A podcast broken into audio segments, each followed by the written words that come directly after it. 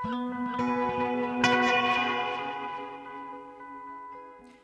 og sæl, við sjá heilsar á getur hlustendur. Það er 5. dagurinn 23. júni. Ég heiti Jóhannes Ólafsson. Jæðarmenning í Reykjavík, hugmyndafræði stríðs og ár dóðrandsins í þætti dagsins.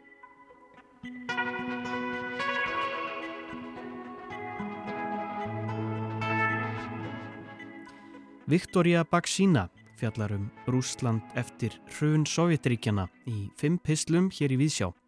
Í sínum fjórða og næst síðasta pisli fjallar Viktoria um stríð og hugmyndafræðina á bakvið það. Einhverjir halda að eftir hrun Sovjetríkjana hafi Rúsland ekki tekið þátt í neinum stríðsátökum en við nánari aðtögun á sögunni kemur í ljós að stríðið hefur verið óhjákvæmilegur partur af sögu nútíma Rúslands. Og innrásinn í Úkrænu er raugrétt skref í langvarandi stríðs átökum, segir Viktoria. Hún tekur til máls hér síðar í þættinum.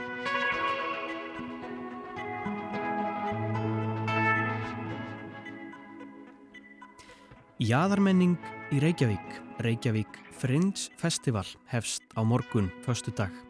Þetta er í fymta sinn sem hátíðin er haldinn og hefur hún verið að hreyðra um sig sem fastur liður í menningarlífi landsins árlega. Danssýningar eru áberandi á hátíðin í ár í bland við ímislegt spennandi eins og sirkuslistir, kabarett og uppistand. Listrætt stjórnandi hátíðarinnar og einn stopnenda hennar, Nanna Gunnars, kemur til mín í spjall hér í lokþáttar og fer yfir sögu hátíðarinnar og við ræðum hlutverk hennar jaðarinn og miðjuna. En við hefjum þennan viðsjárþátt á stuttri hugleðingu. Ég hef verið að hugsa um mjög langar bækur.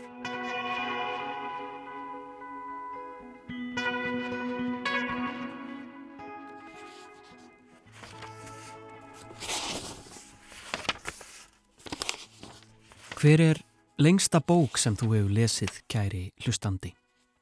Langar bækur geta verið afar fráhrindandi. Flest kannast við að hafa sagt eða heyrt eitthvað segja að ef bókin er laung sé kannski bara best að býð eftir bíómyndinni. Sem gerir eiginlega lítið úr bæði bókinni og myndinni. Að bækur séu erfiðar en kvikmyndir auðmeldar. Ég hef verið að kynna til leiks einhvers konar áskorun sem er blanda gamni og alvöru um að lesa engungu langar bækur, svo kallaða dóðranda, að nú sé ár dóðrandsins.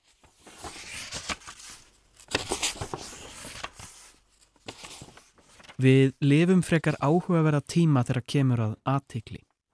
Á netinu er mikið kapplagt á að fanga aðtikli okkar og við dveljum oft örstuttan tíma við hvert viðfóngsefni, hvort sem það eru örmyndbönd á TikTok og Instagram eða knappar færslur á Twitter sem reyndar hafa æg meira verið að breytast í þræði, jáfnveil heilu spólurnar. En í aðteklis kapplaupinu síðustu 20 ár eða svo hafa sjónvastættir ekki þótt svipur hjá sjón nefn að vera 40 mínútur meða lengri og sama er upp á tenningnum í kveikmyndahúsunum þar sem stóru ræmurnar frá Hollywood tegja sig margar hverjar upp í þriðju klukkustund. Á öld aðteklis hagkerfis samfélagsmiðla er þetta aðteklis verðt.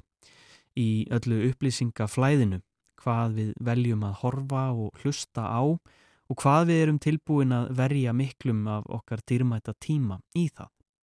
Það er eflaust takt að heimfæra þetta á flest listform en það er bókin sem mér finnst mest spennandi í þessu samhengi og stendur hjarta mínu næst. Væri ekki eðlilegast að þau sem enn voga sér að lesa bók á öll skjáana lesi eitthvað stutt. Kanski ekki, kannski þver öfugt. Til er fræg örsaga, svo kallað flash fiction, sem stundum hefur verið tilenguð bandaríska rittuundunum Ernest Hemingway en það er hugsanlega eftir á skýring. Sagan segir að Hemingway hafi tekið veðmáli um að semja stistu skáldsögu í heimi og sagan er vissulega stutt, aðeins þrjár örstuttar málskrinnar en hefur samt uppbyggingu lengri sögu, kvörf og kennsl og óvæntan endi. Hún hljóðar svo. Til sölu, barnaskór, ónotaðir. Það er hægt að lesa ímislegt í þessa sögu sem er í raun bara eins og ljóðlínur. Sagan getur vakið mismunandi hughrif og tilfinningar. Af hverju eru ónotaðir barnaskór til sölu, pössuðu skórnir einfallega ekki eða er barnið dáið? Er þetta rík fjölskylda sem á svo mikið dót að það náðist ekki að nota skóna á þeim barnið óks úr grasi og væri svo efnuðu fólki ekki nokk sama um peningana sem fengjust af þessari sölu? Þessar spurningar og mögulega fleiri vakna við aðeins örf á orð. En við viljum yfirleitt vita meira og þess vegna vilja einhverjir heila skáltsugu, kannski nær 2-300 síðum eða liðlega 3000 síðum eins og tilfellið er með eina lengstu skáltsugu í heimi í leitað glötuðum tíma eftir franska ritthugundin Marcel Proust. Afhverju að verja tíma í að lesa svona langa bók þegar tvær til þrjár málskreinar geta gert svona mikinn galdur. En nú í nótt á Jónsmessu fór ég að hugsa aðeins betur um þetta, ár dóðransins. Nú er sumri hægt og rólega tekið að halla, svona er þetta bara. Af því tilefni fór ég að skoða lestrar árangur minn, það sem aðvera ári. Ég setti mér óformlegt markmiðum að lesa nær engöngu dóðranda. Dóðrand skilgrin ég sem bók sem er um 500 síður eða lengri. Ég vissi ekki alveg af hverju ég gerði þetta. Það var bara eitthvað spennandi þegar ég strengti þetta heit í svartasta skamdeginu í kringum jólin, eitthvað nýtt. Svarið er svona smám saman að mótast og er í raun uppleg þessarar stuttu útvarps hugleðingar. Af hverju að reyna að lesa bara langar bækur? Einhverjir kunna segja að ég sé bara rugglaður. Þetta sé síndarmennska eins og gort að segja því hvað ég get hlaupið langt eða lift þungu. En Ég get alveg sagt strax að það var ekki einhver svoleiðis afreiks dyrkunað baki ári dóðransins. Ekki að klífa eitthvert Everest því það er alveg eins hægt að klífa slikt fjall með því að segjast ætla að lesa hundrað ljóðabækur eða hundrað smásagnasöfn. Ég held að ástæðan hafi verið eitthvað annað, leitin að hægari lestri. Ekki að lesa bækurnar sjálfar hægar heldur hæja á lestrar taktinum í starra samengi í stað þess að setja sér lestrar átaka á Goodreads og rópa af samfélagsmiðlum um hvað ég ætla að lesa margar bækur á þessu ári, sagði ég við sjálf mig að ég ætlaði innfallega að lesa færri en lengri bækur. Ég veit ekkert hvað ég klára marga dóðranda og þeir verða augljóslega ekki margir. Ég veit ekki einu svona hvort ég held út, en þetta er kannski einhver viðleitni til að prófa aðra lestrar stillingu. Stillingu sem er til þess fallin að mér líði eins og verið sé að kaffara mér í hverju bók njóta þeirra tilfinningar að bókin sé yfir þyrmandi, að líða eins og ég muni aldrei klára bókina, ekki hægt að hám lesa eða spæna í sig, frekar að dvelja, pæla, fletta aftur, mun ekki hvar ég var eða hvert ég var komin, bara opna bókina, fá nett kvíðakast en muna svo af hverju ég valdið að lesa þennan bókar múrstein. Eins og þettur skóur sem liggur á náttborðinu til að týnast í fullur af rótum og steinum til að hnjóta um og finnast maður hafa engin völd. Kanski er þetta hugmynd nátengt núvitund, gott og vel. En ég er samt ekki bara að lesa til að lesa. Ég vel þær bækur sem ég vil klára á endanum og eitthvað krækti í mig til að byrja með. Því segi ég þér, kæri hlustandi, nú þegar Jónsmessu döggin er ennað þorna og sumarið í flestra hugum rétt að byrja sem betur fyrr. Ef þú ætlar að lesa bók í sumar, lestu Dóðrand. Veldu bók sem er svo óhugnanlega laung að þú getur látið henn að standa á borði á alla kanta. Og segðu í grillveislum og á tjaldsvæðinu í sumar að þú sért ekki að berjast við að klára gömlu 50 bóka áskorunina sem var áramóta heit frá því ég hitti fyrra. Segðu frekar, ég er að lesa eina bók og hún hefur gjörsamlega heldtekið líf mitt. Lifi Dórandurinn.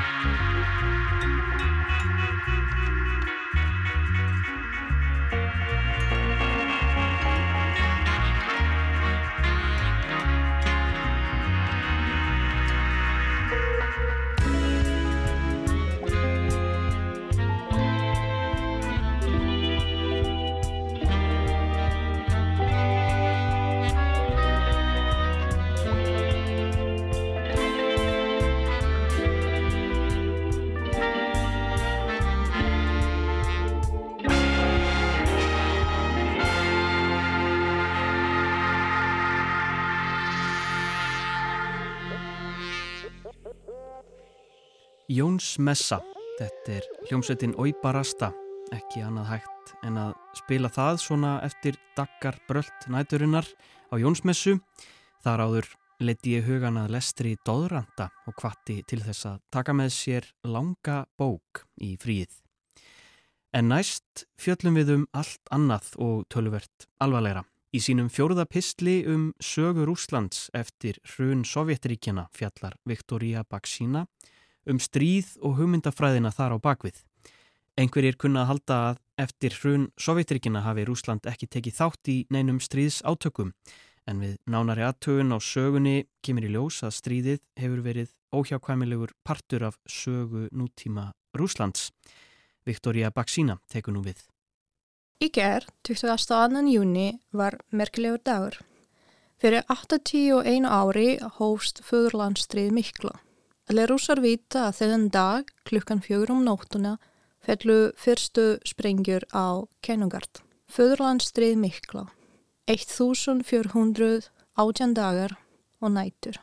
Um 30 miljónir manna fórustu barðugum eða voru drefnar í þýskum fangabúðum. Allar fjölskyldur í Rúslandi eru snortnar af þessum skelvilega atbyrdi. Sennilega er það ástæðan fyrir því að síurdagurinn, 9. mæ, var svo vinsætli Sovjetríkinum og hefur orðið mikilvægasta hátíðin eftir hrund þeirra. Vinsætli en dag Rúslands, því allir hafa fundið fyrir samhældni á þessum degi. Harmleikur og sigur mannsandans, hátíð með tár í augunum eins og við segjum oft á rúsnesku. Þess vegna hefur mjög sérstakur blær alltaf ríkt í kringum sígur og stríð sem var orðið heilagt.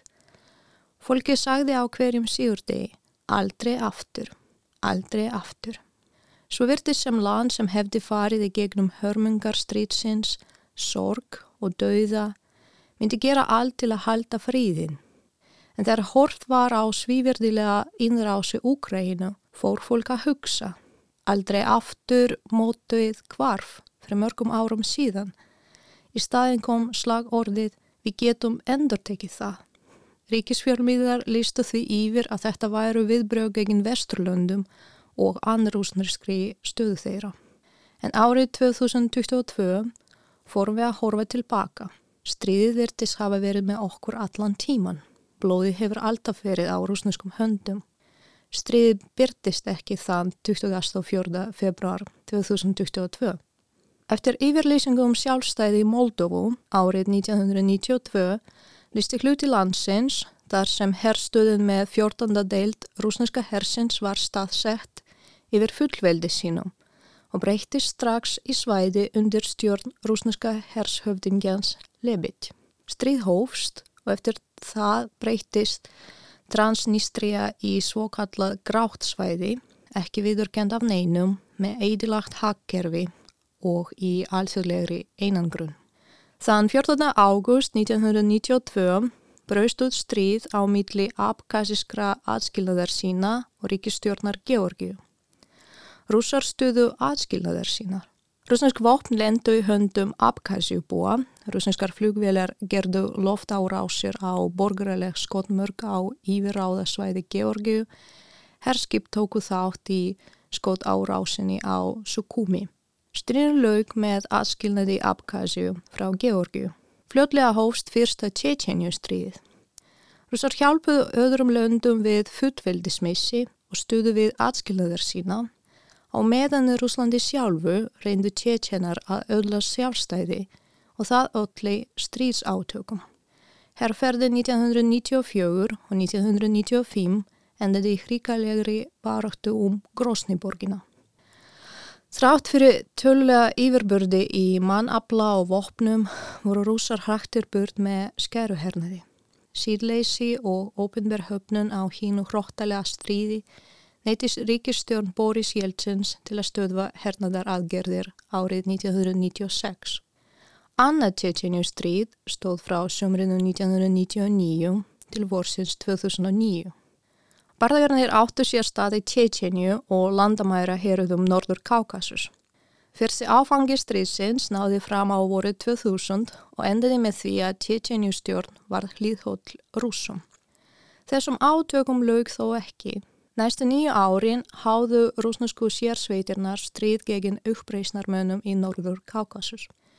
Í tíu ár hefur Rúsland mist hæflega 7300 hermenn og málalíða samkvæmt ofinverum tölum og að minnstakosti 14.000 samkvæmt sambandi hermannamæðra Rúslands. Einn þeirra hefði geta verið pappi minn. Hann var kallaður til herþjónustu þrísvar, en slapp.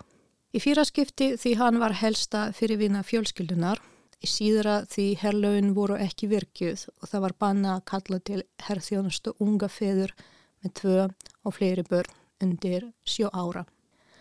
Hann fylgdist stressuður með fréttum, hrópaði oft, greitt og rak nefahög á vekkina á eftir. Trúið mér, þegar maður sem lítur út eins og Dwayne Rock Johnson uh, gerir eitthvað slíkt, það er það ógnandi og óskiljalegt fyrir lítið barn. Auðvitað útskjörði pappi þetta fyrir mér þegar ég var eldri. Hann greitt af skelvingu og af gleði því hann fekk tækifæri til að ala upp börnin sinn og af skömm því margir jafnaldar mínir ólust upp án feðra og eldri bræðra sem fórust í þessum stríðum. Þann 8. ágúst 2008 undir því yfirskinni að vernda íbúana hófa rúsneskir hermenn innráðs í Georgiu frá Suður Óseti og Abkhazia. Á fimm dögum gerðu rúsneskara flugvelar fleiri en 100 árásir á borgir í Georgiu. Sprengjum var varpað á borgaraleg skottmörg. Sprengjunar drápu og særðu saklaust fólk. Síðan þá hefur Suður Óseti verið óviðurkend liðveldi undir stjórn rúsa. Rúnska innrásin markaði tímamót í borgarastyrjöldinni í Sýrlandi sem hófst árið 2011. Árið 2015 var stjórn Bashar al-Assad, Sýrlandsforsetta, döðadæmt. Rúsnesk vopn og hermenn, auk flugstudnings, hafa styrkt einræði Assads og drefið miljónir manna. Þessi íhlutin á síðustu stundu hjálpaði Assad að ná hernadarlegu forskoti á uppreysnarmenn árið 2017. Í sex ár dó 444 rúsneskir hermenn og málalíðar. Meðal þessara hefði bróður minn getið verið en hann ákvaða sína herskildu árið 2015. Sterkur strákur eins og hann var strax settur í leindingarsveitina og myndi vera sendur til Sýrlands með fyrstu flugvelinni. Pappi beitti öllum tengslum sínum og áhrifum til að hætta við skipunina. Að lókum syndi bróðir minn herskildu í stórskotaliðinu skamt frá Sankti Petersburg. Árið 2014 innlimdi rúsar Krímska og reyndu að búa til alþýðuliðveldi. Rúsarski ríkisborgarar í skjóli sjálfstæðiskreifingar komust til valda í Donetsk og Luhansk með stuðningi rúsneskra hermana. Ukraina hóf atgerðir gegin hriðverkjum. Eftir bargadaga 2014 og 2015 var óviðýverlista stríðið í austur hluta Úkrænum frósið. Þann 24. februar 2022 reyðust rúsar formlega á Úkrænum og gögtluðu innrásina hernadaraðgerð. Það var engin tilviljun að hugdakið hernadaraðgerð var kynnt til leiks. Hernadaraðgerð er eitthvað hrætt, sígursælt, en stríðinu í Úkrænu var ekki lókið svo snöglega. Í næstum fjóra mánuði höfum við hert Úkræn er ekki ríki, Vesturland er ógn fyrir Rúsland, Runnsovjetríkina er helsta landstjórnfræðilega stórslis 20. aldar. Á sama tíma hefur svo hugmynd fest í sessi í medvitund okkar almennings að það hafi verið einhvers konar samningur millir Rúslands og Vesturland eftir hrun Sovjetríkina. Rúsland leisti upp heimsveldið og fyrir það þið því hleyft í einhver samtök hvaða var ekki ljóst. Ef við myndum þá strax lífa eins og í öllum sínbenduðum löndum. Það var slík formúla. En við hefðum verið svíkin. Við uppfylltum okkar hlutasamningsins en Vesturlönd gerðu það ekki. Okkur hefði verið hend burt. Þess vegna myndum við snúa aftur til heimsveldisins. Ópenbæra rúsneska hugmyndafræði hefur einig verið byggt í krignum góðsögnina um að landinu sé ógnað og óvinir séu að reyna að sundra því. Stríði Úkrænu er raugrætt framhald þess. Nú eru tjetjenar sem hafa gleimt hryllingi stríðsins, kalmikar, altæverjar, dagestanbúar sem hefur verið mismunat á kerfisbundin hátt og öðrum smáþjóðum Rúslands að eidilegja annað sjálfstæðið ríki. En það þýr hér samningur peningar, happafengur fyrir frumbyggjana sem eru svo elskaðir í heimsveldi Rúslands að þeir eru alltaf á jæðrinum. Hvað byrður okkar næst? Sérfræðingar segja tveir valkostur séu bóði. Liklega fram til þessa stríts eigi sér kóriska fyrirmynd. Það þýði engin fríðar sáttmáli heldur þinga vopnahlið vegna þreytu byggja aðila. Hinn kosturinn er finska fyrirmyndin. Í vetrarstríðinu 1939-1940 stöðuði Finnland innrás Sovjetríkjana og kom því stríðinu í höfn. Landi held sjálfstæði sínu gegn afsæli sumrasvæði í þá Sovjetríkjana en Finnland vart hlutlaus land sem samræðindi utanríkistefnu sína við Moskvu. Mér sínist að heitast að þrá Ukrænumanna og rúsa sé að blótsúthellingarnar stuðvist. Engin fyrða að fáni strítsanstæðinga í Rúslandi sé kvítur, blár, kvítur. Rauðum, liti blóts og stríts hefur verið eitt. Þessi fáni sem vinnur minn sögmiði handa mér blásir við í glukkanum í herberginu mínu. Ég vona að einhver tíman muni ég geta reist hann á Rauðatorginu í hínu nýja strítsfrjálsa Rúslandi eða í hínum frelsiða kænugardi en ekki lagt hann á gröfbróður eða vínar sem lest í enn einu tilgangslösu stríði.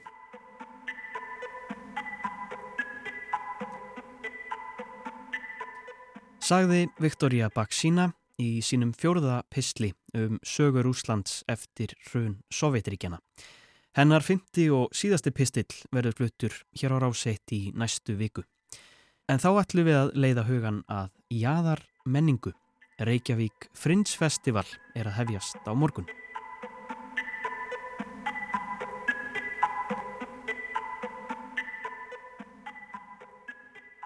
Nanna Gunnars, verðu velkomin í Vísjá. Takk. Þú ert uh, listrætt stjórnandi Reykjavík Fringe Festival Já. og bara ein af stopnendum þessara háttíðar. Það passar.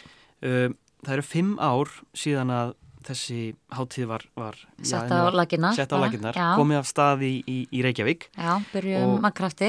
akkurat og svona háttíðir hafa uh, og eru haldnar víða um heim Já, segðu mér aðeins, förum bara fimm ár aftur í tíman uh, var einfallega eigða í menningarlífinu fyrir svona háttíð á Íslandi?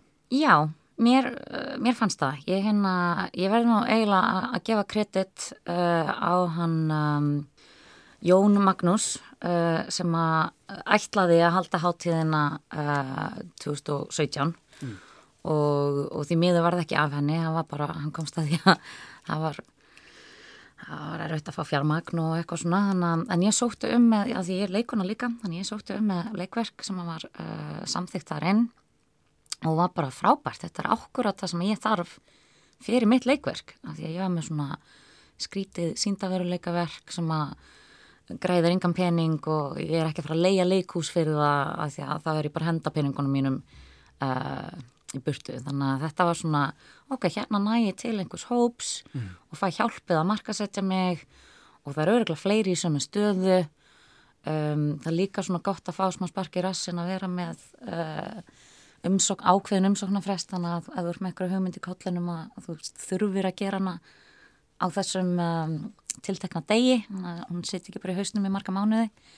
Þannig að mér fannst það frábært, ég sótti um og komst inn og svo var þetta því miður ekkert af hátíðinni uh, það árið uh, henni var frestað eða aflýst. Og ég hafði þá ég hugsaði með mér rosa rosalega er það svekkjandi þú veist, þetta var svo frábært framtak og, og ég hafði samband við uh, Jón Magnús og, og sagði, heyrðu, ég hérna þurfið hjálp, get ég komið inn í teimið eða er þið alveg búin að slúta þessu? Má ég taka við? Hvað er í gangi og hann bara tók rosalega vel í það sagði mér upp og ofan af, af því sem hann hefði gert og sem hann hefði ekki náða að gera og, og vandræðum og hvað maður þarf að varast og, og svona ímislegt og svona komir aðeins inn í, ég vissi ekki hvað ég var að gera augljóslega um, og, og svona leiði mér í raunin að taka við uh, barninu sínu. Hann var svolítið viðriðin fyrsta árið en svo fór hann bara á fullu í önnu verkefni og, og leiði mér að reyna bara að taka við. Já. Hafðir þú þá heyrt um þetta fyrirbæri, Fringe Festival? Já, Fringe, ég, ég farið á Edinburgar Fringe hátíðina þrís var fjórum sinnum. Það er svona upprunalega... Það er stærst, já, það er upprunalega, hún uh, var stopnaður í 1947, uh, bara svona eftir uh, senni heimstöldina hafa eitthvað.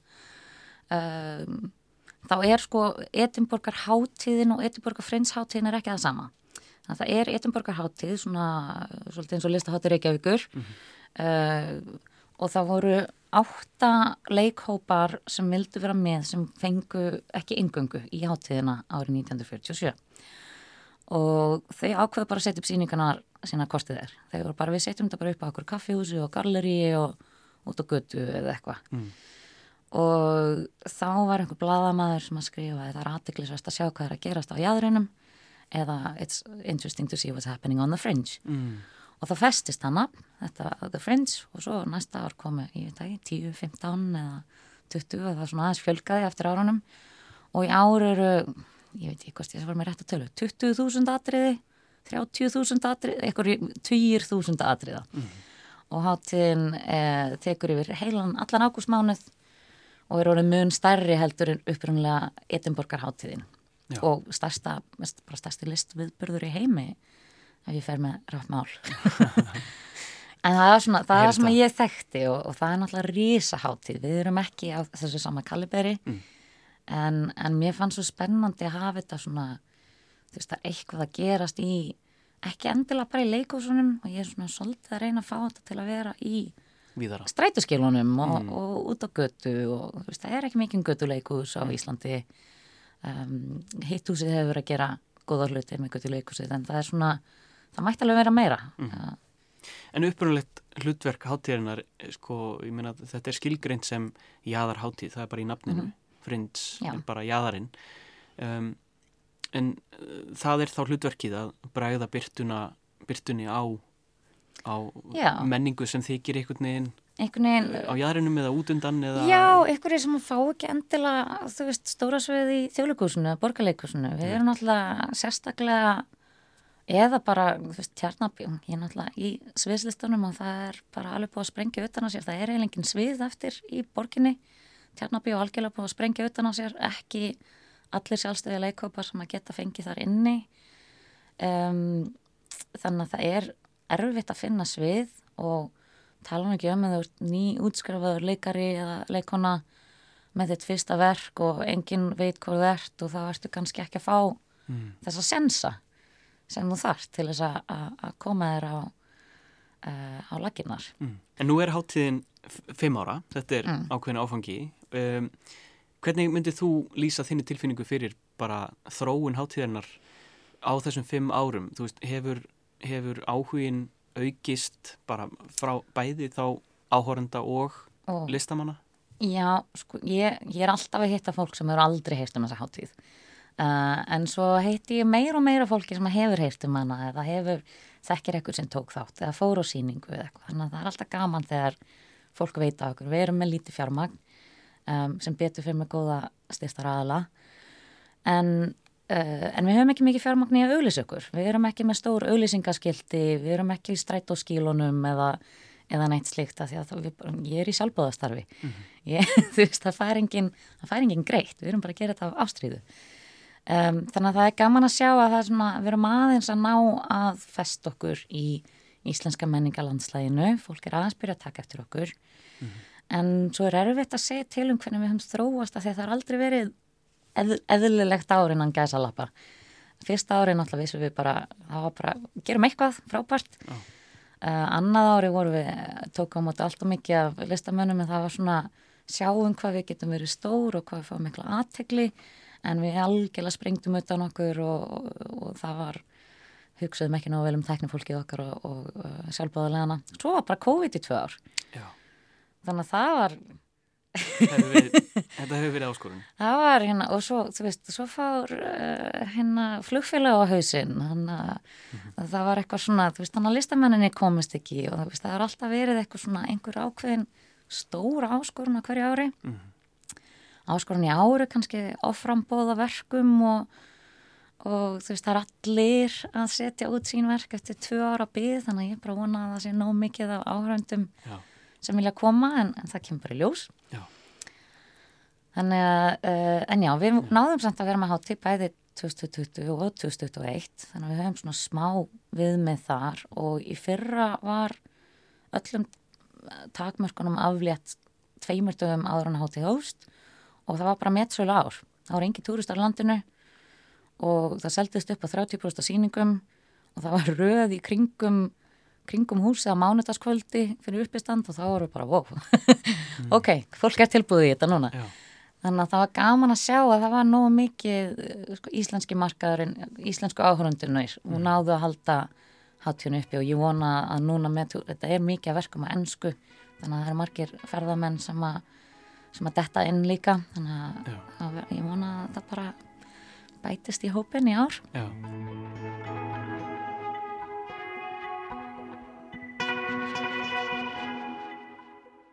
En það verðist vera að Íslendingar séu almennt frekar móttækilegir fyrir bara fjölbreyttri menningu og svona taka vel á móti því sem þykir á jæðrinum eða öðruvísi. Og svona ég, maður spyr sig þá sko er bílið á milli sko miðjunar, mainstream mm. og jæðarsins, er það jafn breytt hér eins og annar staðar? sko, Það er svona, mann man finnst eins og sé stutt úr frinsinu yfir í, mér finnst sko, Íslendingar eru rosaduglegur að mæta á íslenska síningar og það sem þið þekkja þannig að þú veist, Ari Eldjár selur upp á allar síningar að því fólk veit hver- og hann er náttúrulega frægastu upp í standarinn en þau eru kannski meira tregt til að sjá eitthvað sem þið hafi ekki heyrt um. Þau eru kannski ekki að fara að sjá um, Ulukbek sem er upp í standari frá Úsbekistan sem síningu hjá okkur. Mm. þú veist, af því að þið hafa ekki heyrt um hann og þau viti hvað það er, er hann góður, er hann ekki góður? Já, uh, áhætta. ég, ég, þarf að, ég þarf að heyra frá einhverjum að þetta hafi verið góð síning áður en ég fer. Þannig að það er svona Já, verður svolítið orðspórs. Já, þetta er svolítið orðspórs, en hann er bara með tvær síningar þannig, að- þannig að fólk mætir ekki að fyrir síninguna og þá er enginn að tala um það og þá mætir enginn á setni síninguna þannig að svona, þú þarft svolítið að ég svolítið að reyna að fá fólk til að taka þessa áhættu. Og, og miðaverði er þú veist, þúsund kall eða 1500 kall eða eitthvað. Þannig að, þannig að það ætti ekki að vera fyrir staða um, Að hluta til til þess að. Já, hluta til til þess að þú veist, þú getur farið að sjá fimm síningar á hverju kvöldi og Já. borga jafn mikið og fyrir einn leikusmiða í borgarleikusinu. um, þannig að þannig að það er svona, já, það er, það er oft og svo eru Íslendingar rosa gernir á að kaupa með á síðustu stundu sem er mjög stressandi. Já, fyrir alla listamenn að bara, ó, ég er ekki búin að selja nema svona mikið og svo mætt alveg alveg mörg týjir manns í, í viðhörð um, þannig að já, þetta er svona bæði og. Þú veist, það eru margir svona rosa opnir fyrir nýjungum og sjá eitthvað nýtt og, og þetta er bæði svona, ú, þetta kemur erlendis frá, það er eitthvað framandi og spennandi. En líka, ú, þetta kemur erlendis frá ég veit ekki alveg hvað það er, ég ætla að býða þá með að heyra hvort að einhver mæli með því við mig, sérstaklega. Já, um, þannig já, við erum alltaf svona á þessum mörgum já, akkurat. En sko, nú er til dæmis listaháttíð Reykjavík, ný, ný afstæðin já, og þau voru mjög frinsleg, það var alls já, konar maður, en maður það. hugsa sko, hver er munurinn? Er, er sko einhvern veginn listaháttíðin mainstreamið og nú tekur jáðarinn við eða er þetta einhvern veginn kannski svona áherslu munur eða hvernig Sko, lítur á Já, ég hugsaði dæmi, það. sko. Ég, ég, ég rætti þetta við hana Vigdísi sem að reyku listaháttíð og ég var svona, já, listaháttíð er meira svona uh, freyðivinn í hörpunni og við erum meira svona bjóra barnum. En hún var eitthvað, nei, við viljum, við erum alveg bjóra barnum líka.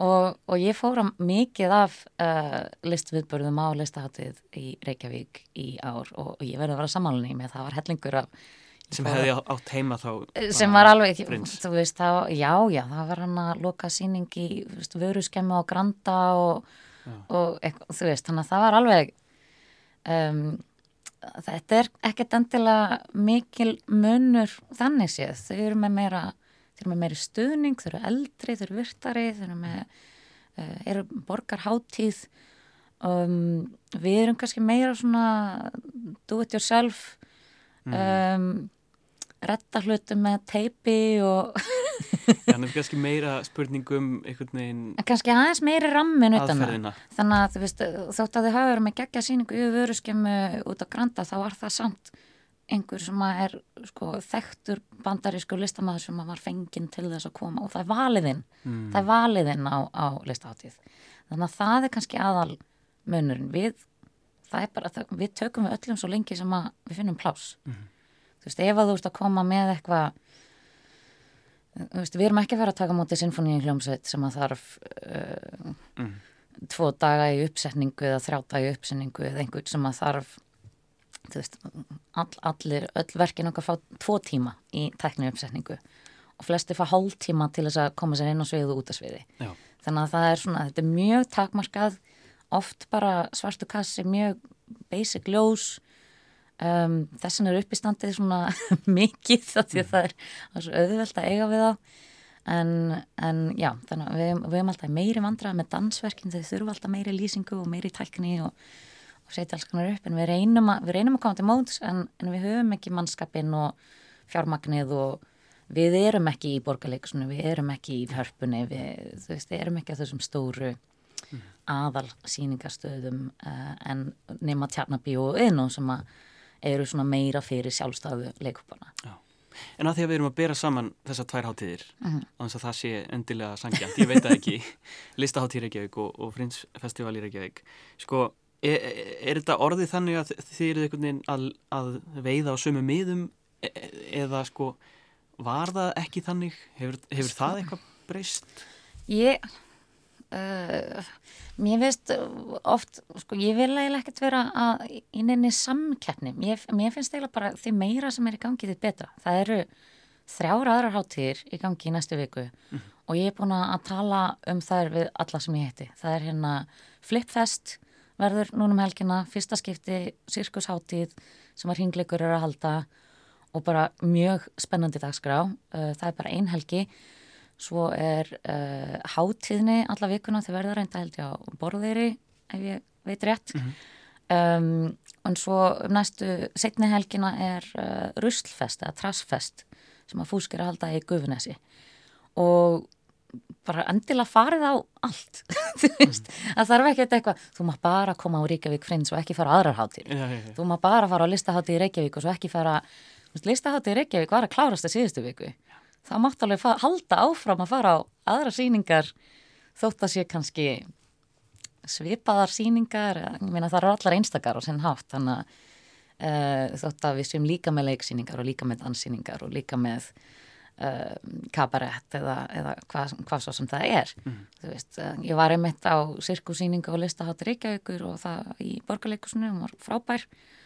Og, og heyrði einhver áhrendu bara, ó, ég vildi að væri meira af svona sirkusverkum á Íslandi, maður sér þetta bara eiginlega aldrei, ég bara, heyrðu, flipfest eftir viku, bara kíkja það, kom sér frins þannig, að- þannig að fólk, þú veist, vill, vill meira og bara ef við ætlum að vera borg, hátíða, hátíðar borg Reykjavík, uh, Reykjavík borg uh, talar um að við séum hátíða borg, það sé mikið í gangi það er ekki nóg að vera bara já. með menningaborg, þá getur við ekki bara að vera með eitthvað eitt á ári þú veist, það bara það þarf bara eitthvað að vera í gangi hverju horni alltaf til þess að við getum lifað upp í, í þennan standard Já. En sko, hvernig lítur þú þá á framtíð hátíðarinnar? Ég meina, á frinsið að verða að mainströmi eða á þessi hátíð að eblast bara sem þessi stóra? Svo líka, eh, já, það er líka hérna, Já, þetta mainstream, hvernig þú veist flokka maður alltaf þegar fólk byrja að tala við mig um eitthvað svona lágmenningu eða hámenningu, þú veist, þetta er allt jazz var rosalega mikil lágmenning og núna er jazz rosalega mikil hámenning. Uh, tango var rosalega mikil lágmenning og núna er tango rosalega mikil hámenning. Þetta er svona hvar liggja mörkin, er einhver mörk? Þurfum við vendilega að setja þetta inn í einhvern ramma? Uppistand var eitthvað sem að enginn gerði og núna er Ari Eldjárn með Netflix uh, special. Mm. veist, það var enginn uppistand sen á Íslandi fyrir 20 árum síðan en núna eru 50 manns allavega um, í uppistandinu. Um, kabarettin uh, Margaret Mock er bara búin að búa til kabarettsenu á Íslandi einsins liðs. Hún fóð bara til New York og bara, heyrðu, þetta er ekki til Íslandi. Ég ætla að byrja með þetta þegar ég kem heim. Og núna bara þjálfar hún hópa og það eru sjö, sex eða sjö mismöndi kabaretthópar sem er allir búin að vera að læra af henni að sína núna á, á hattinni þannig að við erum bara að búa til meira og meira. Og eftir því sem að það verður algengara þá þekkir fólk þetta og þá er það óhættar að vera að koma um, já, þannig að þetta er í stöður í þróun Þetta er í stöður í þróun, ég veit ekki hvort maður þurfi endilega að reyna að rammenta einu, veist, við, sjá, við erum bara með svona lítið og skrítið og þau eru bara með stórt og merkilegt. ég held að það sé svolítið svona, um, við erum með margt stórt og merkilegt líka. Já, en bara háttíðin í ár, uh, það er stór og mikil dagskrá. Já, 90 atriði. 90 atriði, mm en er, eitthva, er þetta nefna nokkur atriði sem svona... Uh, Ég er búin að skjóta, ég er búin að skjóta nokkrum svona. Já, akkurat, akkurat. um, sko... Það er mikið af erlendum listamönnum eins og þú sagðir uh, og, og mörg atriðin á, uh, ekki á íslensku, en, en það er, það er svolítið, hefur alltaf verið þannig. Já, hefur alltaf verið þannig og svo líka, þú veist, er það ekkert endilega á tungumálum. Ég meina það er dansverk núna lögudaginn sem mm. heitir Tota Via Somos eða Og við erum enn á íslensku, það, en það, það er dansverk, það er ekkert þú getur alveg komið og horta á dans saman frá hvað landið það er og tekið börnin með og, og eldri fóreldrana og, og að það skilja allir eða vonandi skilja allir hvað hann er að tólka með dansinum. Um, Triptych Men líka, annað dansverk mjög skemmtilegt, ég sá það í, í Svíþjóði fyrra. Um, það sem að þeir eru svona keppast um, um aðtegli áhrönda um, ég, ég er að minna sérstaklega dansverkin að það er Uh, oft erfitt að fá fólk til að koma á dansverk en svo er svo gaman, þú veist, að hafa allir gaman að því mm. að sjá góð dansverk en ég mæli sérstaklega með fyrir það sem að hafa tíma núna sunnundaskvöldið að koma á fórsýningarkvöldið okkar þar fá öll atriðin tvær mínútur til að kynna sig og ekki sekundulengur annars en þeim sparkaði sviðinu á mjög skemmtilega máta mm. um, þannig að þá fær maður svona hugmynd um hvað er í bóði út vikuna uh, getur séð, já, herðu, þetta er eitthvað sem ég langar að sjá meira af og, eða ekki.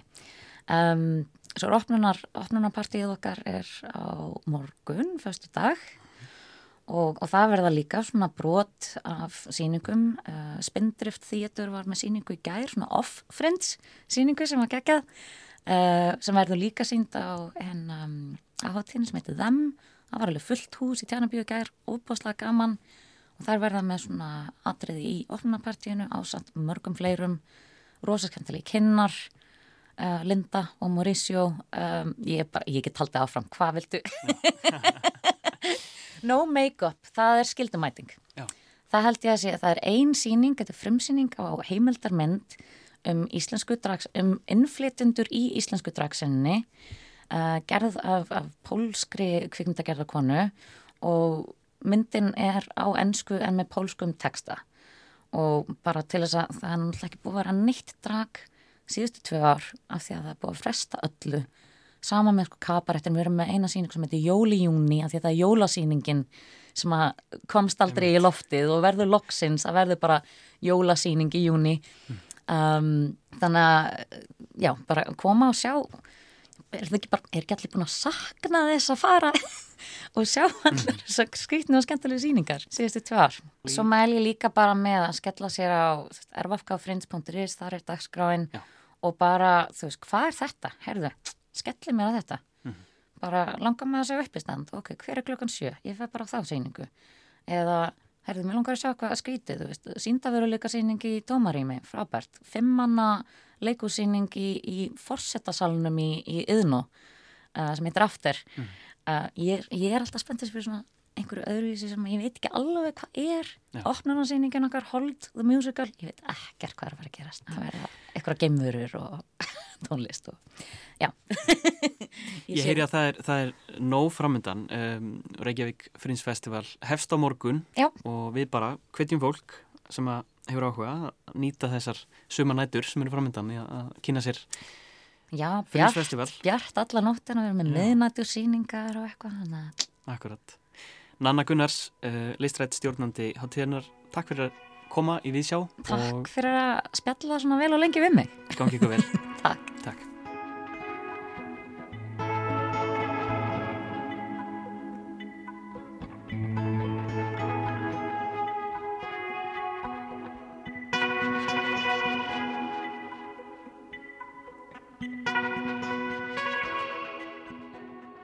Hér sagði Nanna Gunnars frá hátíðinni Reykjavík Fringe Festival sem hefst á morgun, förstu dag. Það er hægt að kynna sér ímislegt sem telja mætti á í aðri menningarinnar. Það verður dagskráum alla borg og víðar. Þetta er í fymta sinn sem hátíðin er haldinn eins og framkom hér áðan árið fastur liður í menningarlífinu. Það er hægt að fara inn á erfafkfrinds.is og skoða nákvæmlega það sem er í bóði. Þetta eru 90 atriði eins og Nanna kom inn á hér áðan. Opnunarparti verður haldið á morgun 24. júni í Yðnó. Þar eru hægt að kynna sér enn betur á hvaða jaðar er best að fara út á. En þar með er komið að lokum hér í Víðsjá. Þetta var síðasti þátturinn fyrir sumarfrí. En í næstu viku tekur tengivagnin við keflinu og sérum að halda utanum menningarlífið í sumar hér á rás 1. Við ljúkum þessu á sumarlegu nótonum. Þetta er Gós með ábreyðu af hinnu ódöðlega Sólarsamba eftir Magnús Kjartansson. Ég, Jóhannes Ólafsson, þakka fyrir mig. Við heyrumst aftur fljótlega. Veriði sæl.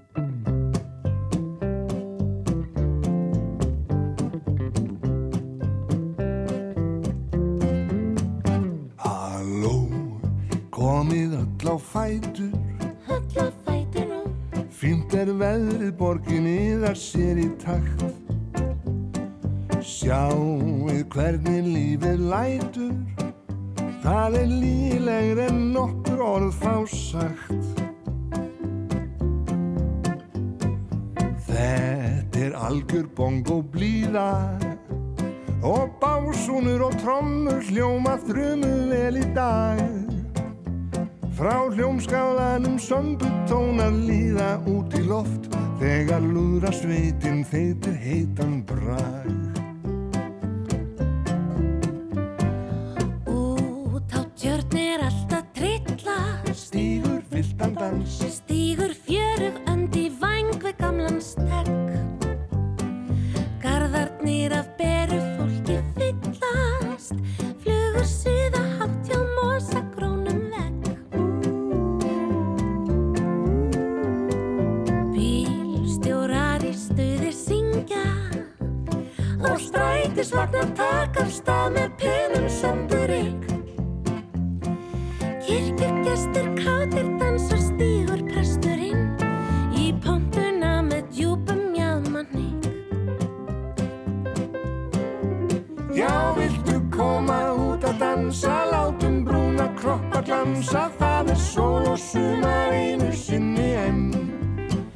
fjöru upp til fjallakamba Fjöru hljóma sóla samba Dansum hratt því annars kemur vetur senn.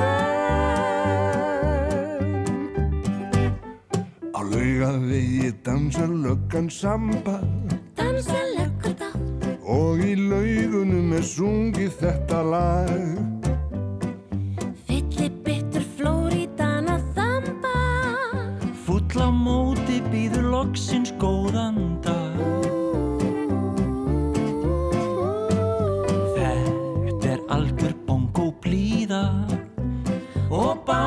básúnur og trommur hljóma þrumu vel í dag. Frá hljómskálanum sömbu tónar líða út í loft Þegar lúðra sveitin feitir heitan brag. Já, viltu koma út að dansa Látum brúna kroppa glansa Það er sól og sumar einu sinni enn.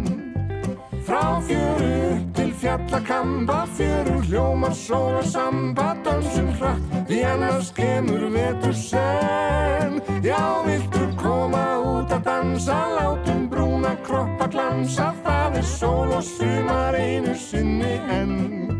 Frá fjöru upp til fjallakamba Fjöru hljóma sól og samba Dansum hratt. Því annars kemur vetur senn